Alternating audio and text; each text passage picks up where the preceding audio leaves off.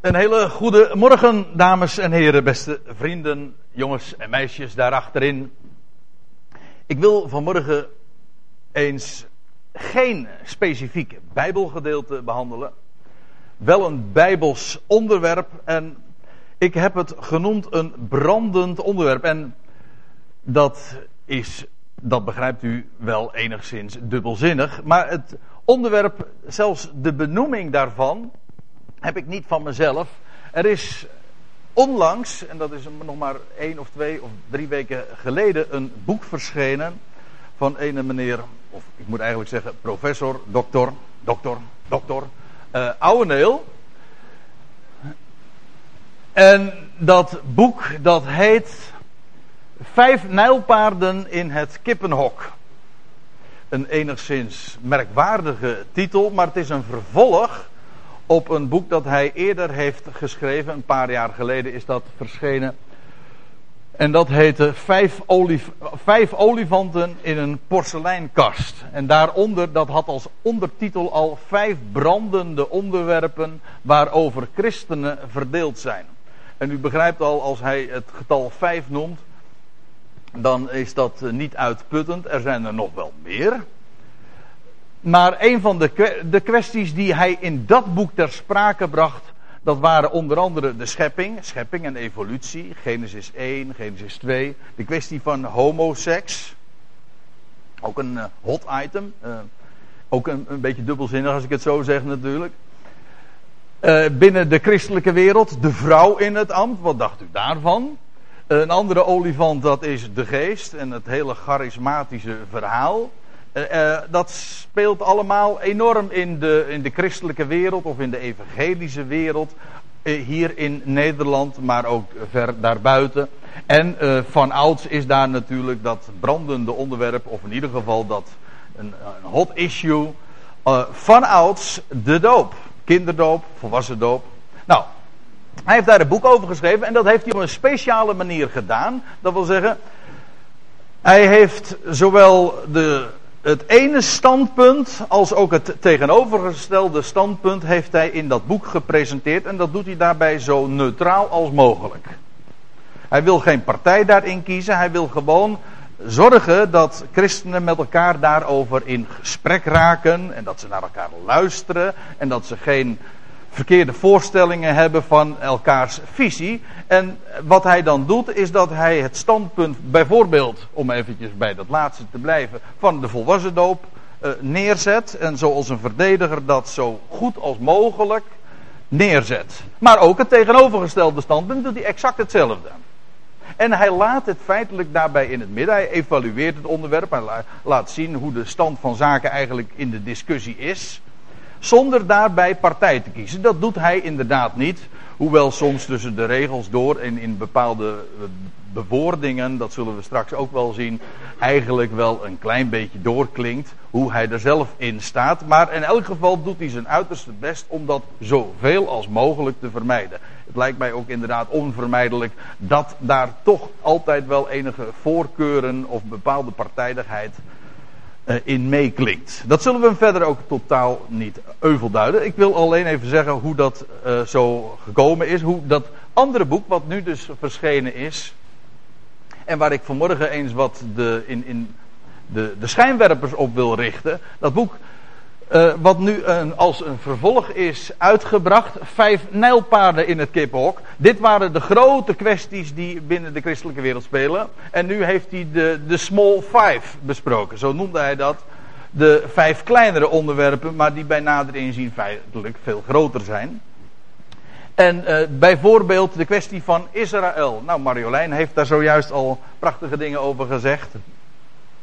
En de wijze waarop op Israël ook in de discussie staat, is, is er zoiets als een geestelijk Israël? Heeft Israël recht op het land? En kan ze daar aanspraak op maken? Een ander onderwerp is de islam, ook een, een kwestie. De, Allah, is dat, een, is dat dezelfde God als de God van de Bijbel of een afgod? En hoe moeten we de islam sowieso taxeren? Vanuit Bijbels perspectief. Occultisme, wat is occult, et cetera. Afval der heiligen, dan gaat het niet over een vuilcontainer of zo van gelovige mensen. Nee, dat, dat begreep u natuurlijk al. Eh, het gaat daarbij om de vraag of gelovigen, ware gelovigen, kunnen afvallen. Of eens gered, altijd gered. Hoe zit dat? Nou, dat zijn allemaal van die kwesties die hij ter sprake brengt. Maar één onderwerp brengt hij ook ter sprake en dat is dat van de hel en alverzoening. En daarin is iets veranderd in zijn, zijn standpunt van zoals hij dat in het uh, verleden naar voren bracht. Ik moet er trouwens bij zeggen, er is nog wat, uh, ja, er ging wat mis. Voor zover natuurlijk überhaupt ooit iets mis kan gaan. Maar uh, toen ik dit onderwerp aankondigde op mijn website dat ik het hierover zou gaan hebben.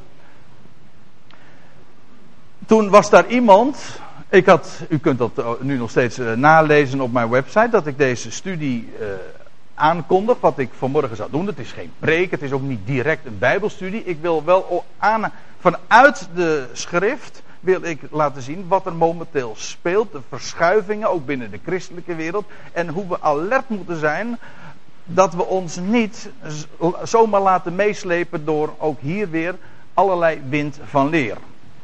Nou, die dingen wil ik ter sprake brengen. En ik heb dat aangekondigd, deze studie. En toen was daar iemand zo vriendelijk om uh, de heer Ouwendeel uh, even attenter op te maken dat deze studie hier zou zijn. Of hij hier misschien ook niet zou kunnen wezen. Nou, is er, als ik goed kijk, niet. Dat lijkt me ook vrij uh, wel uitgesloten. Want hij heeft een zeer druk spreekprogramma in het algemeen. En ik veronderstel dat dat deze dag ook wel weer het geval zal zijn. En als hij dat niet gehad zou hebben, dan veronderstel ik dat hij toch niet geweest zou zijn. Maar ieder, iemand had hem daarop attent gemaakt.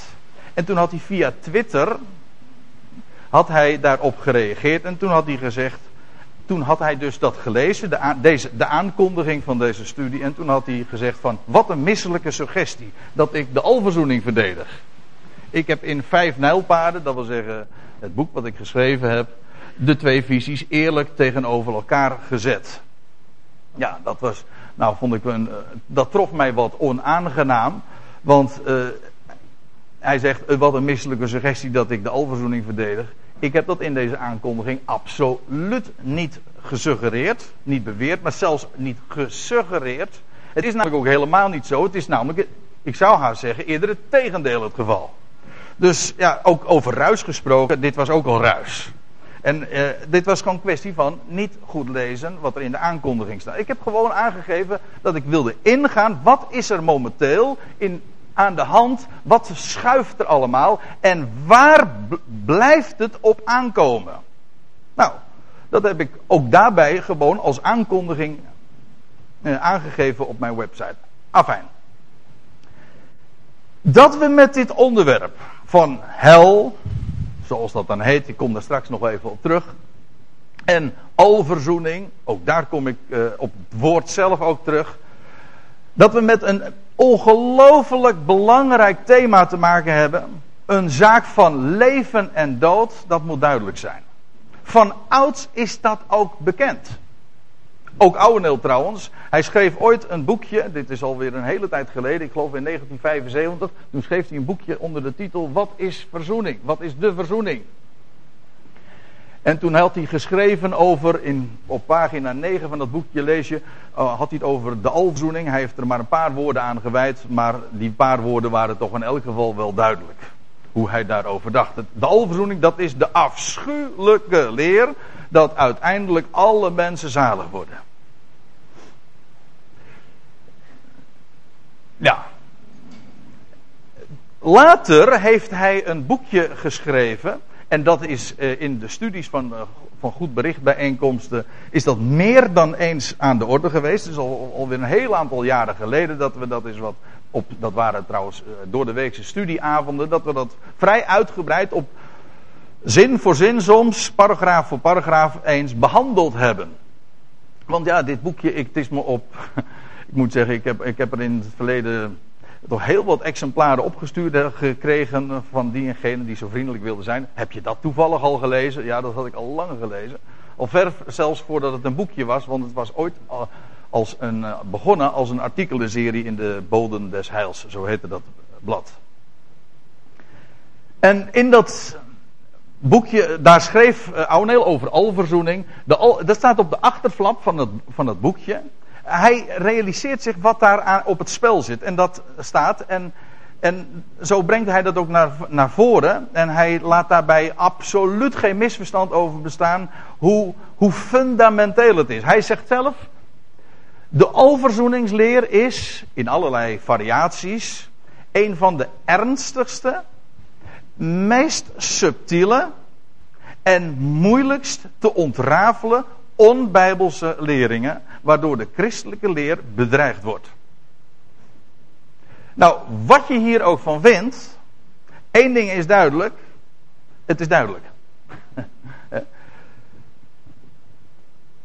In, eh, in datzelfde boekje maakt hij trouwens daar uh, nog, uh, nog iets duidelijk. Ik meen, in aanvang van het boekje begint hij dan te schrijven met. Het is bepaald niet aangenaam je met dwaalleer te moeten bezighouden. We moeten echter wel bedenken, zo schrijft Ouweneel, dat de alverzoeningsleer een grote bedreiging vormt voor de gelovigen. Ook heel wat christenen die als bijbelgetrouw, tussen aanhalingstekens, bekend staan, zijn erdoor besmet. Ja, als een virus. Het is een dwaalleer, een grote bedreiging, ernstige, subtiele en moeilijk te ontrafelen dwaalleer. Eh, et cetera. Ik zou daar meer over kunnen zeggen. In ditzelfde boek, trouwens, wat hij, waar we het nu vanmorgen over hebben, zegt hij ook iets soortgelijks. Of in elk geval geeft hij aan dat het een zaak is op, van de, die zich beweegt op het scherp van de snede. Het is een kwestie van leven en dood. Hij schrijft op pagina 13 van dit, dit, dit boekje, want daar hebben we het over. U ziet daar de kaft. Zo, als u geïnteresseerd bent, dan kunt u het straks eventjes inkijken. U kunt ook een boek kopen, dat zal Ouweneel helemaal niet erg vinden. En dan kunt u lezen op pagina 13 van dat boekje. Eh, bij de hel, CQ de alverzoeningsleer, is de zaak van leven en dood duidelijk genoeg. Er is geen kwestie waarbij het zozeer, geen thema in, de hele, in, in het hele arsenaal van bijbelse onderwerpen dat zozeer een, duidelijk maakt dat het inderdaad om leven en dood gaat als juist bij dit thema. Dat zegt hij ook, dat is duidelijk genoeg. Uh, bestaat er zoiets als een eeuwige dood? Ja of nee? Hè? een eeuwige dood in de hel? Of zal de hel uiteindelijk toch leeg zijn? Nou, over die hel zelf zullen we het ook nog hebben. Maar ziet u, ook Ouwenel maakt zelfs in dit boekje er nog gewacht van dat het gaat om een zaak van leven en dood. En toch is Ouwenel compleet veranderd hierin. Hij, zegt, hij geeft dit nog zo aan en tegelijkertijd, en nu, want hij tapt nu uit een heel ander vaatje. Nu zegt hij in dit boek, en dat is eigenlijk de clue van zowel dit boek als ook het boek wat hij al eerder heeft gepubliceerd. Het is nu nog steeds een standpunt waar hij niet van uitgaat. Hij, eh, u uh, zag dat net in dat Twitterberichtje, van hij, hij doet daar helemaal afstand van. Dat, uh, dat, hij, dat hij zou geloven dat God een redder zou zijn van alle mensen. En al, dat hij zou geloven in alverzoening. Maar toch, hij, respect, hij presenteert het nu in dit boek als een respectabel standpunt. Er zijn meer dingen waarin hij geschoven is. En waarin hij compleet van mening veranderd is. Maar en, het gaat nu niet zozeer om het feit dat hij een andere mening over alverzoening heeft. Maar het punt is, eerst beschouwde hij het als een afschuwelijke dwaalleer. Een bedreiging waarvoor gewaarschuwd moet worden. Zaak van leven en dood waar je niet anders over kunt denken. Zo fundamenteel. Nu is het een, standpunt. Nou ja, de een denkt er zus over en de ander denkt er zo over. We moeten met elkaar in gesprek. Dat is de teneur van het hele boekje. Zodat het thema zelf een heel ander uh, gewicht heeft gekregen. Hij zegt bijvoorbeeld in het boek. Ja, wat wij ook hier nodig hebben, dat wil zeggen in de, discussie, in de discussie tussen mensen die, die geloven uh, in alverzoening. En mensen die geloven in eindeloze hellestraf. We moeten met elkaar in gesprek. Oh, wat wij ook hier nodig hebben, schrijft hij op pagina 111. En ik zou heel wat meer citaten daarvan kunnen geven. Is vooral luisteren naar elkaar. En dan bidden om wijsheid dit klinkt heel aangenaam en, en lief.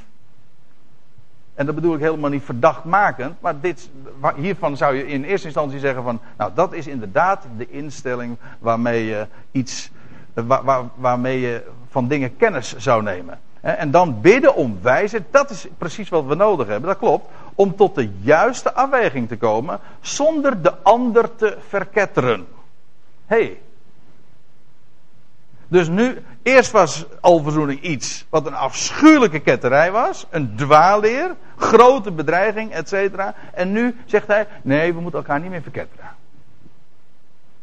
En sterker nog, hij vindt ook dat het naast elkaar moet bestaan. Hij zegt ook, uh, we, we, moeten bidden om geestelijke moed, om het lef te hebben. Ja, denk je, dat is waar.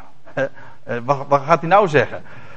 de, de verschillende standpunten naast elkaar te laten bestaan. Dus de leer van de eindeloze hellestraf, dat, dat moet je naast het standpunt van alverzoening laten staan.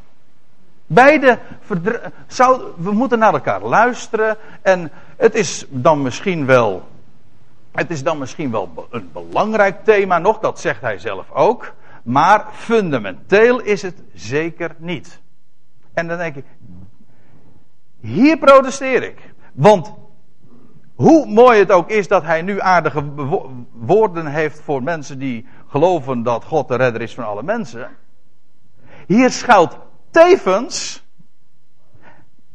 het relativisme, dat, de, dat idee van nou ja, zo belangrijk is het ook weer niet. En hoe dat het hier werkelijk nou zou gaan om, om leven en dood, dat komt hier totaal niet meer uit de verf. Kijk, is het waar dat als dat God niet laat varen de werken zijn naar handen, is dat fundamenteel? Of is dat alleen maar een, een belangrijke kwestie? Dit is de boodschap waar elke Calvinistische kerkdienst mee aanvangt. Onze hulp is in de naam van de Heer die hemel en aarde gemaakt heeft, die nooit laat varen het werk dat zijn hand ooit begon. En daarmee is in een notendop weergegeven met wat voor God we te doen hebben. Dat, ze, dat vervolgens in die kerkdienst dat dan weer ontkend wordt. Nou ja, goed, hè? daar hebben we het nu even niet over. Maar dat is waar het juist om gaat. We hebben te maken met een God die nooit laat varen het werk van zijn handen. Dat is trouwens precies wat alverzoening is. God laat het werk van zijn handen, zijn eigen creaturen, misschien los, maar nooit varen. Ziet u het verschil? Want het is, waarom niet? Het is zijn eigen schepsel. Zijn eigen schepping, zijn eigen creaturen die hij lief heeft. Het is van hemzelf. Het is maaksel van zijn handen. En hij heeft, zoals Marjolein dat ook al naar voren bracht, met alles een doel. En hij mist nooit. En alles heeft een bestemming. Is dat, is dat betrekkelijk? Is dat iets wat als je dat ontkent, nou ja, goed, even goede vrienden en, en, en, zulke opvattingen moeten naast elkaar kunnen bestaan. De ene keer wordt dat verteld en de andere keer het tegenovergestelde. Mensen, dan krijg je een mengsel. Ja, een mengsel met recht, maar geen verbinding. Want dit verdraagt zich niet met elkaar. Een mix van twee bestanddelen die elkaar bijten. Trouwens, want dat geldt ook voor degene die werkelijk gelooft dat God eeuwig verdoemt. Die is het een, die, voor zo iemand is het een vloek. Dat als je vertelt dat God de redder is van alle mensen. Net zo goed als dat je, als je eenmaal werkelijk van je hart veroverd is door het zicht dat hij de hele schepping omvat en alles tot een goed einde gaat brengen, is het een vloek zo klinkt het echt in mijn oren hoor. Is het een vloek wanneer ze zegt dat hij eindeloos verdoemt? Dat is een vloek. Dat is niet een, kwestie van, nou ja, we moeten naar elkaar luisteren en we moeten aardig zijn voor elkaar. Hoezo? Het is een zaak inderdaad van leven of dood. Uh, de, of, of er zoiets bestaat als een eeuwige dood. Of dat is de, e- het evangelie juist niet de boodschap. Dat Jezus Christus opgestaan is uit de doden. Dat de steen is weggerold. En dat dat een garantie is dat de dood totaal teniet gedaan wordt. Of bestaat er zoiets als een eeuwige dood? Is dat betrekkelijk? Zou dat niet fundamenteel zijn? Dat is toch de clue? Daar kun je geen koehandel mee plegen. En dan kun je zeggen, kijk, plus en min, als je dat. Want dat is wat je namelijk krijgt. Gooi het bij elkaar en dat neutraliseert elkaar. En wat, wat het uiteindelijke resultaat is van zo'n mengsel, is onverschilligheid. Dat wil zeggen, onverschilligheid zowel tegenover de boodschap dat God eindeloos verdoemt, want niemand gelooft dat toch meer. Maar dat God de redder is van alle mensen, geloof je ook niet. Het is allemaal betrekkelijk, je haalt uiteindelijk gewoon je schouders erover op. Met zo'n met zo'n mengeling ga je, val je niet meer op je knieën. En en dank je God dat hij de hele wereld redt. Want ja, dat mag je toch niet zo zeggen. Want dat is ook een van de dingen wat Ouweneel in dit boek naar voren brengt. Van, we moeten niet zomaar meer zeggen van, er staat geschreven, zo is het. Dat mag je niet zeggen. Oh nee?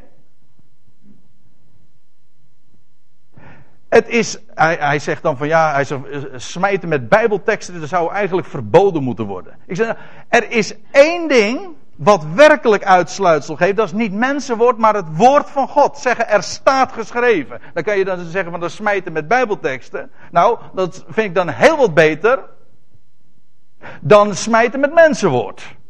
Trouwens, het is geen smijten, het is met eerbied Gods woord naspreken. Dat geeft uitsluitsel. En dat vertelt hoe de dingen zijn. En dan kun je zeggen van, jij bent een hardliner, of een havik, nou, of een extremist. Nou, eh, prima. Maar dit is een, de boodschap, het evangelie, waarop helemaal niets valt af te dingen. Daarvan durf ik inderdaad te zeggen, zo is het en geen millimeter anders. Of uh, de boodschap dat het verlorene wordt gevonden, ja of nee. Is dat relatief, niet fundamenteel? Of dat Christus uh, ja, want dat is natuurlijk wat de leer vertelt, zoals dat klassiek in de christelijke theologie altijd verteld is: van ja, in Adam zijn alle mensen zondaren en stervelingen. En in Christus worden alleen de uitverkorenen gerechtvaardigd en levend gemaakt. Terwijl de apostel Paulus het is die juist rondbazuint, heeft gebazuind en in de hele wereld bekend heeft gemaakt dat Adam veel meer is dan Christus. Dat hij de dood en de zonde die in Adam geïntroduceerd is, via Adam in deze wereld geïntroduceerd is, volkomen teniet gedaan zal worden. Zeg ik het fout? Oh ja, dat is zeker een fout. Maar dat is, uh, geloof me, een verspreking. Ja.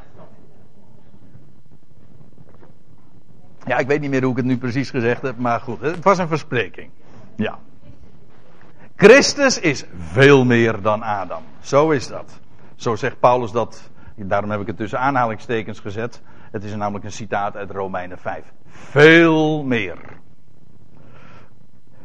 Zou dit niet fundamenteel zijn?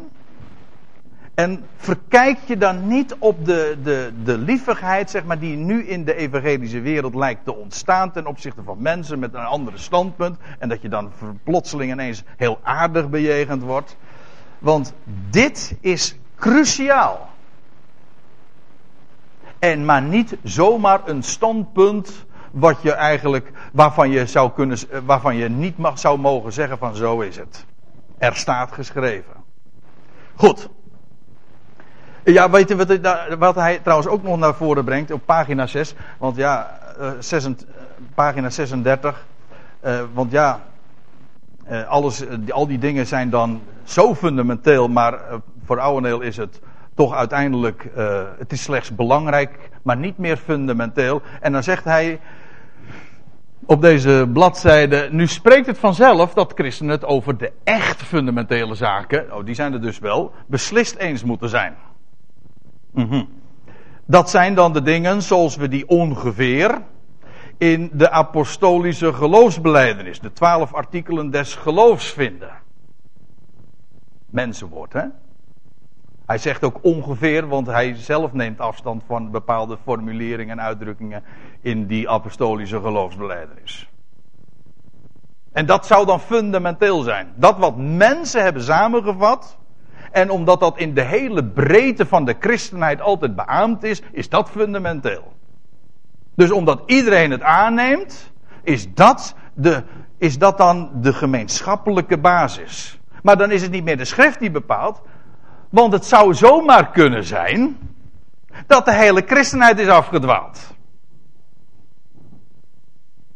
Maar dat is arrogant natuurlijk, als je dat zegt.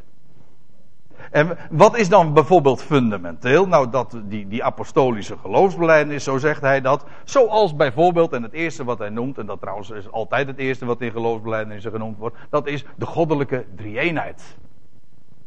Dat is fundamenteel. En nou stel ik de vraag, waar spreekt schrift over drie-eenheid? Ik bedoel, het woord alleen al is fundamenteel. Dus dan zou je zeggen van nou, dat, dat, dat, dat vind je op welke bladzijde terug. Het woord komen we nergens tegen. Het begrip ook niet. Dat is allemaal mensenwoord. En dat zou dan fundamenteel zijn. Neem me niet kwalijk, maar ik noem dit gewoon ontsporing. Dan heb je een, funda een ander fundament dan dat er ligt, namelijk Christus en de Christus der, der schriften, dat kan niemand leggen. Maar dit is een menselijk fundament. Wo mensenwoorden en die, daar zak je doorheen. Dat is verzonnen, dat zijn misschien hele geleerde bedenksels van mensen, maar niet meer dan dat. Goed, nou ik wil nog op een aantal dingen wijzen die zo in deze bespreking naar voren komt. Want weliswaar ze, uh, kiest Ouweneel geen partij in, uh, in, in het standpunt. Hij geeft alleen de verschillende visies zo weer. En toch, zelfs in de evaluatie, maar ook de manier waarop hij het bespreekt, uh, komen allerlei misvattingen voor. En ik wil op een aantal er zo eventjes wijzen. Ik zie dat de klok gewoon doortikt. En daar moeten we toch enigszins rekening mee houden. Maar goed, uh, we zullen. En de, eerste die ik zou willen noemen. Bladzijde 88, daar wordt in het boekje geschreven. Uh, daar vinden we de, deze tekst. Ik bespreek hier niet de optie dat er helemaal geen hel bestaat. Daar heeft hij het niet over. Zoals bepaalde liberale theologen beweren. Uh, hij, en dan schrijft hij: De Bijbel spreekt nu eenmaal over de hel. Jezus en de apostelen hebben dit ook gedaan. Pardon, nou, Bijbelvertalingen, want de schrift kent geen hel. Daar waar hij, waar hij zegt van Jezus heeft dat ook gedaan. Nou, dan, dan kijk je vervolgens in de, in, in, de, in de Bijbel. En vind, daar vind je in onze Bijbelvertaling heel dikwijls het woordje hel. Maar daar, gaat het, daar staat niet het woordje hel. Daar staat in het Grieks het woordje Gehenna. En u zegt van. Nou ja, maar goed, dat is dan de hel. Nee, Gehenna is namelijk een plaatsnaam. Zoals Jeruzalem en Nazareth en Bethlehem. Dat zijn plaatsnamen. En plaatsnamen vertaal je niet, die laat je gewoon ongewijzigd. Nou ja, in elke taal klinkt het weer wat anders. Maar een plaatsnaam vertaal je niet. En dat is wat men wel gedaan heeft met Gehenna. Gehenna is namelijk gewoon de vuilverbranding. Alle, u kunt het in elke encyclopedie nalezen. Is gewoon is het de vervorming van het Hebreeuwse Gai Hinnom. En dat wil zeggen het dal van Ben Hinnom. Bij Jeruzalem waar de vuilverbranding plaatsvond. En trouwens niet alleen dat. En dat ook in de toekomst weer een rol zal spelen. Dat is Gehenna. Hij zegt van ja, alleen liberale theologen die geloven dat er geen hel is. Nou, juist als je de schrift gelooft, dan weet je dat er geen hel is, want dat hele concept bestaat in de Bijbel niet. En hij zegt van nou, over die optie hebben we het nu maar niet eens. Ik zeg nou, daar wil ik het juist wel eens over hebben. Het hele idee van een hel kent de schrift niet. Tijdelijk nog eeuwig of eindeloos durend, dat kent de Bijbel niet. Dus als je nou de zaak scherp wil zetten, zeg van, waar hebben we het nou over? Iedere keer in dit boek heeft hij het weer over de hel. En hij zegt, ja, het bestaan ervan al zodanig stelt hij niet ter discussie. Nou, ik wel. En ik durf te zeggen, de schrift kent de hel niet. Spreekt over het dal van Hinnom. En hier ziet u een plaatje daarvan. Nu allemaal heel erg liefelijk. Dat was in het verleden wel eens anders. En zal in de toekomst ook anders wezen. Maar dit is het dal van Hinnom. Dat is die zogenaamde hel. En als u het hebt over een hel, dan denkt u aan een of ander onderaards oord. En dan denkt, denkt iedereen aan, aan, aan een, een onderaards oord. Uh, waar, van verschrikkelijke vlammen, waar mensen eindeloos worden gepijnigd en gefolterd en waar de duivel het voor het zeggen heeft. Dat, dat is mythologie. Heeft niets met de schrift van doen. In de schrift is het niet een plaats onder de aarde, maar op de aarde. Waar inderdaad vuur brandt bij gelegenheid, waar lijken liggen, lijken, niet waar levende mensen worden verbrand, of brand, mensen levend worden verbrand. Of zo. Nee, dat, dat is niet aan de orde. U kunt het in het laatste vers van Jezaja nalezen wat er werkelijk gebeurt. Goed, dat is, dat is een van de misvattingen die ik toch even wil aanwijzen. Hij heeft het telkens in het boek over de hel. En ik durf te zeggen, op grond van de schrift, de Bijbel, de schrift kent geen hel. Hooguit onze Bijbelvertalingen. In de evaluatie van dit thema, dat wil zeggen over hel en alverzoening, waarin hij de verschillende standpunten uiteen heeft gezet, zegt hij dan, begint hij dan met te zeggen, is een hele merkwaardige zin. En dan vraag ik, als ik dat lees, dan denk ik, heb je werkelijk kennis genomen van waar het, waar het om gaat? Let op. Hij schrijft dan, een van de dingen die mij in deze discussie over hel en alverzoening bijzonder opgevallen is, dat is het volgende. Zij die de bekering geheel en al beschouwen als een zaak van Gods soevereine genade, zijn altijd tegenstanders van de alverzoeningsleer. Ik moest echt dit een paar keer lezen. Klopt het wat hij nu schrijft? Uh, klopt het nu wat ik, wat ik nu denk te lezen? En hij zegt het. Dus degene die geloven dat bekering, het omkeren, of het geloven in Hem, dat dat een zaak is van Gods soevereine genade alleen, dat zijn altijd tegenstanders van de alverzoening. Nou, ik moet u zeggen, ik geloof met heel mijn hart, en ik weet dus dat er heel wat hier zijn, dat God het al verzond, maar ook dat het feit dat ik dat mag zien en dat ik mij heb mogen omkeren, dat is omdat hij mijn, hij mijn hart heeft overweldigd en aangeraakt. Daar is niets van mij bij. Juist omdat ik geloof dat hij alles overweldigt en verzond, geloof ik dat hij dit ook voor zijn rekening neemt. Hij, hij vervolgt trouwens met te zeggen: de alverzoeners vindt men eigenlijk uitsluitend onder hen die juist de menselijke verantwoordelijkheid benadrukken. Nou, het is, ik moet zeggen, dit is zo'n kapitale fout. Ik ben van heel wat dingen beschuldigd, maar ik, bijvoorbeeld uh, bij, in Bijbelstudie, jij, jij, jij, jij miskent, jij, voor jou is het allemaal een zaak van God, God doet het allemaal bij jou. En jij, jij redeneert de menselijke verantwoordelijkheid eigenlijk helemaal weg. Dat is maar makkelijk. Dat, is, dat heb ik heel dikwijls gehoord. En ik blijf het altijd maar weer horen via mail en andere verwijten, et cetera. Dat ik de menselijke verantwoordelijkheid weg, wegredeneer. Maar nu zegt hij, overzoeners vindt men eigenlijk uitsluitend onder hen die juist de menselijke verantwoordelijkheid benadrukken. En dan trouwens ook nog eventjes dit, hè. Iedere keer heeft hij het in dit boek over alverzoeners. Ik, kijk, het is een, gewoon een scheldwoord hoor. En ik heb er, ja, ik, soms ga ik ook gewoon mee in het scheldwoord. Want voor mij is het uiteindelijk gewoon een, een geuzennaam geworden. Maar het is een scheldwoord. Waarom? Nou, heel simpel. Er is maar één alverzoener. En dat is God.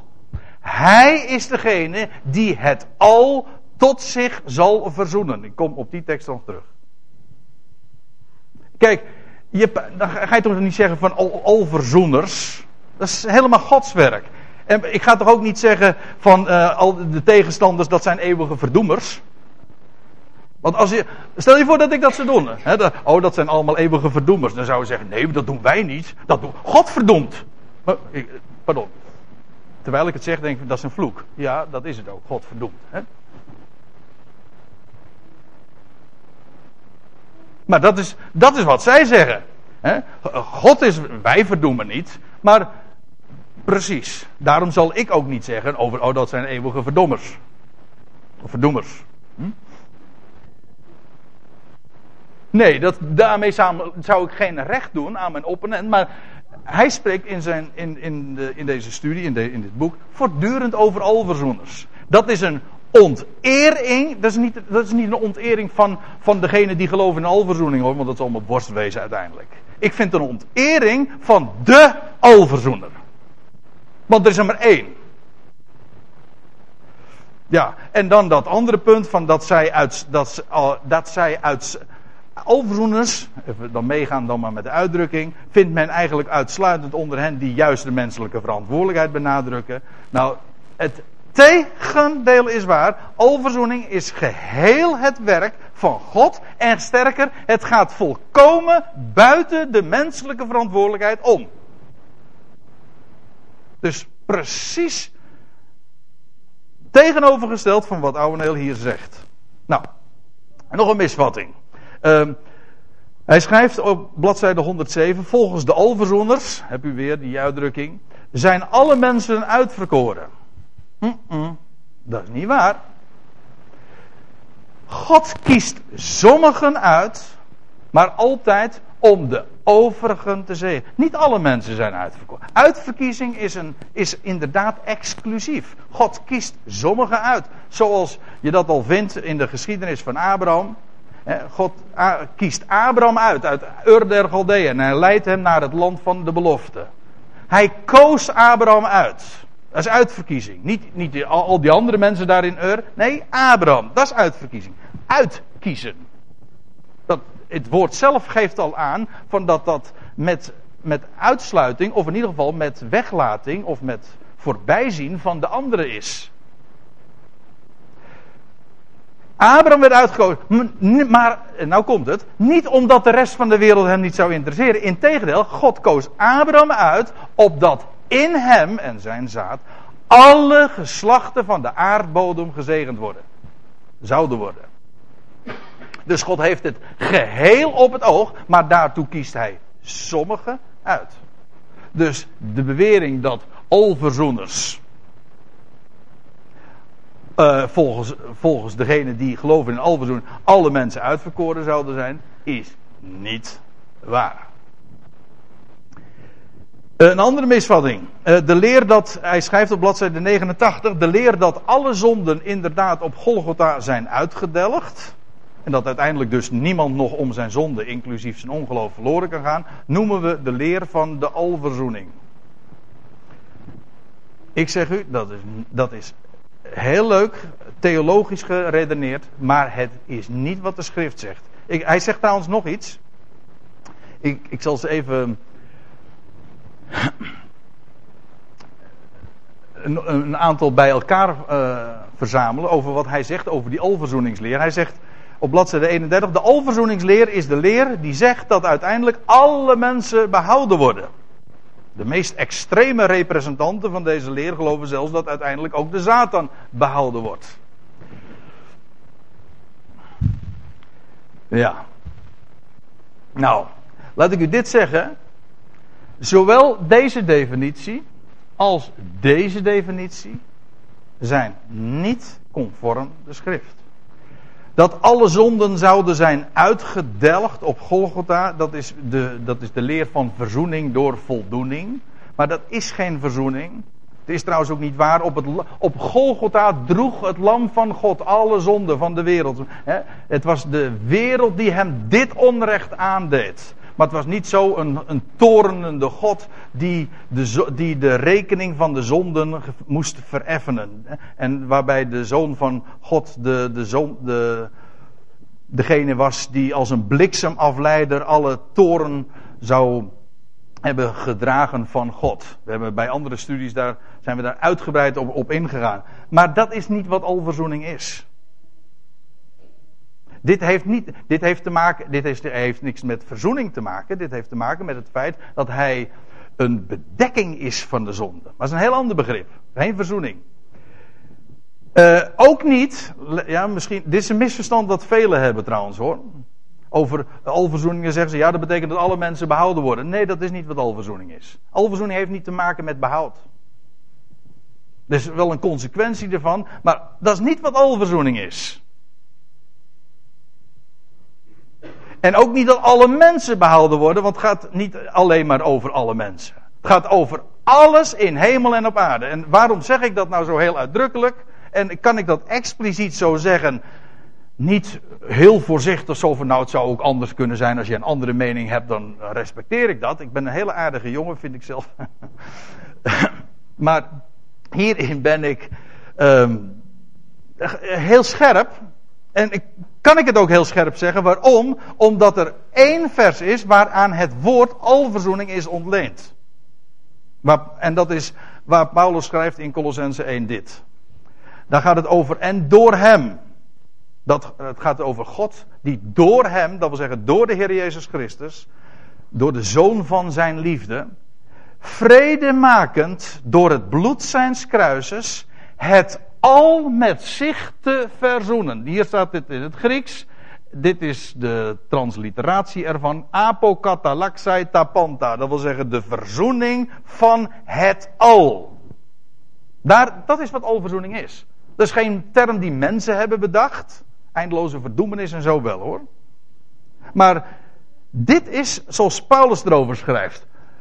En dan zegt hij dat het al met zich te verzoenen door hem, het zij wat op de aarde, het zij wat in de hemelen is. Dat is niet dat zonden uitgedelgd worden. Ook spreekt het niet over behoud. Weet u wat verzoening is?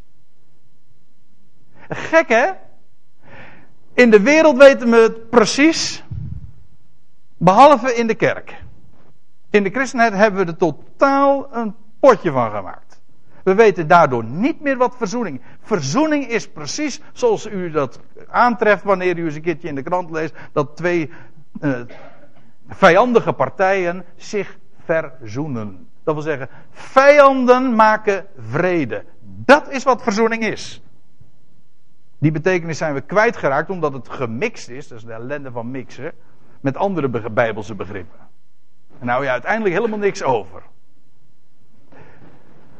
Dat God alles verzoent wil zeggen dat hij alle vijandschap zal omzetten. Dat wil zeggen, hij maakt alle vijanden. Niet alle, alleen alle mensen, want staat hier, door hem. Het zij wat op de aarde, dat zijn inderdaad de mensen. Daar, daar, vind je, daar vind je de vijanden hier op aarde, dat zijn mensen. Maar ook wat in de hemel is. Dus al die hemelse, ongeziene machten en overheden en krachten. Wat zich onttrekt aan het oog. Die vijandig zijn tegenover hem.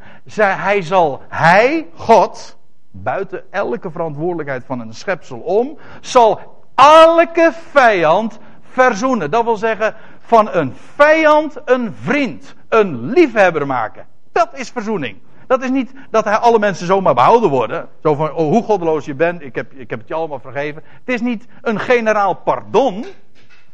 Dat is wel trouwens wat heel veel mensen die in alverzoening geloven ook denken hoor. Daarom neem ik dit misverstand oude ook helemaal niet kwalijk. Maar dat is niet wat het is. Al verzoening betekent dat een vijand een liefhebber, een vriend wordt. God gaat elke vijandige schepsel overtuigen van zijn liefde, zodat elke vijand geen vijand meer is. Dus inderdaad, de vijanden worden vernietigd. Als u begrijpt wat ik bedoel. Er is namelijk geen vijand meer. Waarom? Omdat ze liefhebbers zijn geworden van God. En ze zijn overtuigd van zijn liefde. En hoe, en hoe doet hij dat wel? Door het bloed van zijn kruis. Als je wil weten hoeveel God van deze wereld houdt, dan moet je kijken naar het kruis van Golgotha. Als slaan ze zijn zoon aan het kruis, dan nog zegt hij: Ik hou van je en ik ga jou juist door die weg het leven, het onvergankelijke leven geven. Van de Rolling Stone, ja. Dat is wat verzoening is. Zodat elk hart in hemel en op aarde overtuigd zal zijn van zijn liefde en van harte zal zeggen: Jezus is Heer, tot eer van God en Vader. Dat is wat verzoening is. Dat is maar niet een goddeloze, een Hitler die als Hitler als, en als, als, als vijand van God in de hemel komt. Nee, God verzoent hem.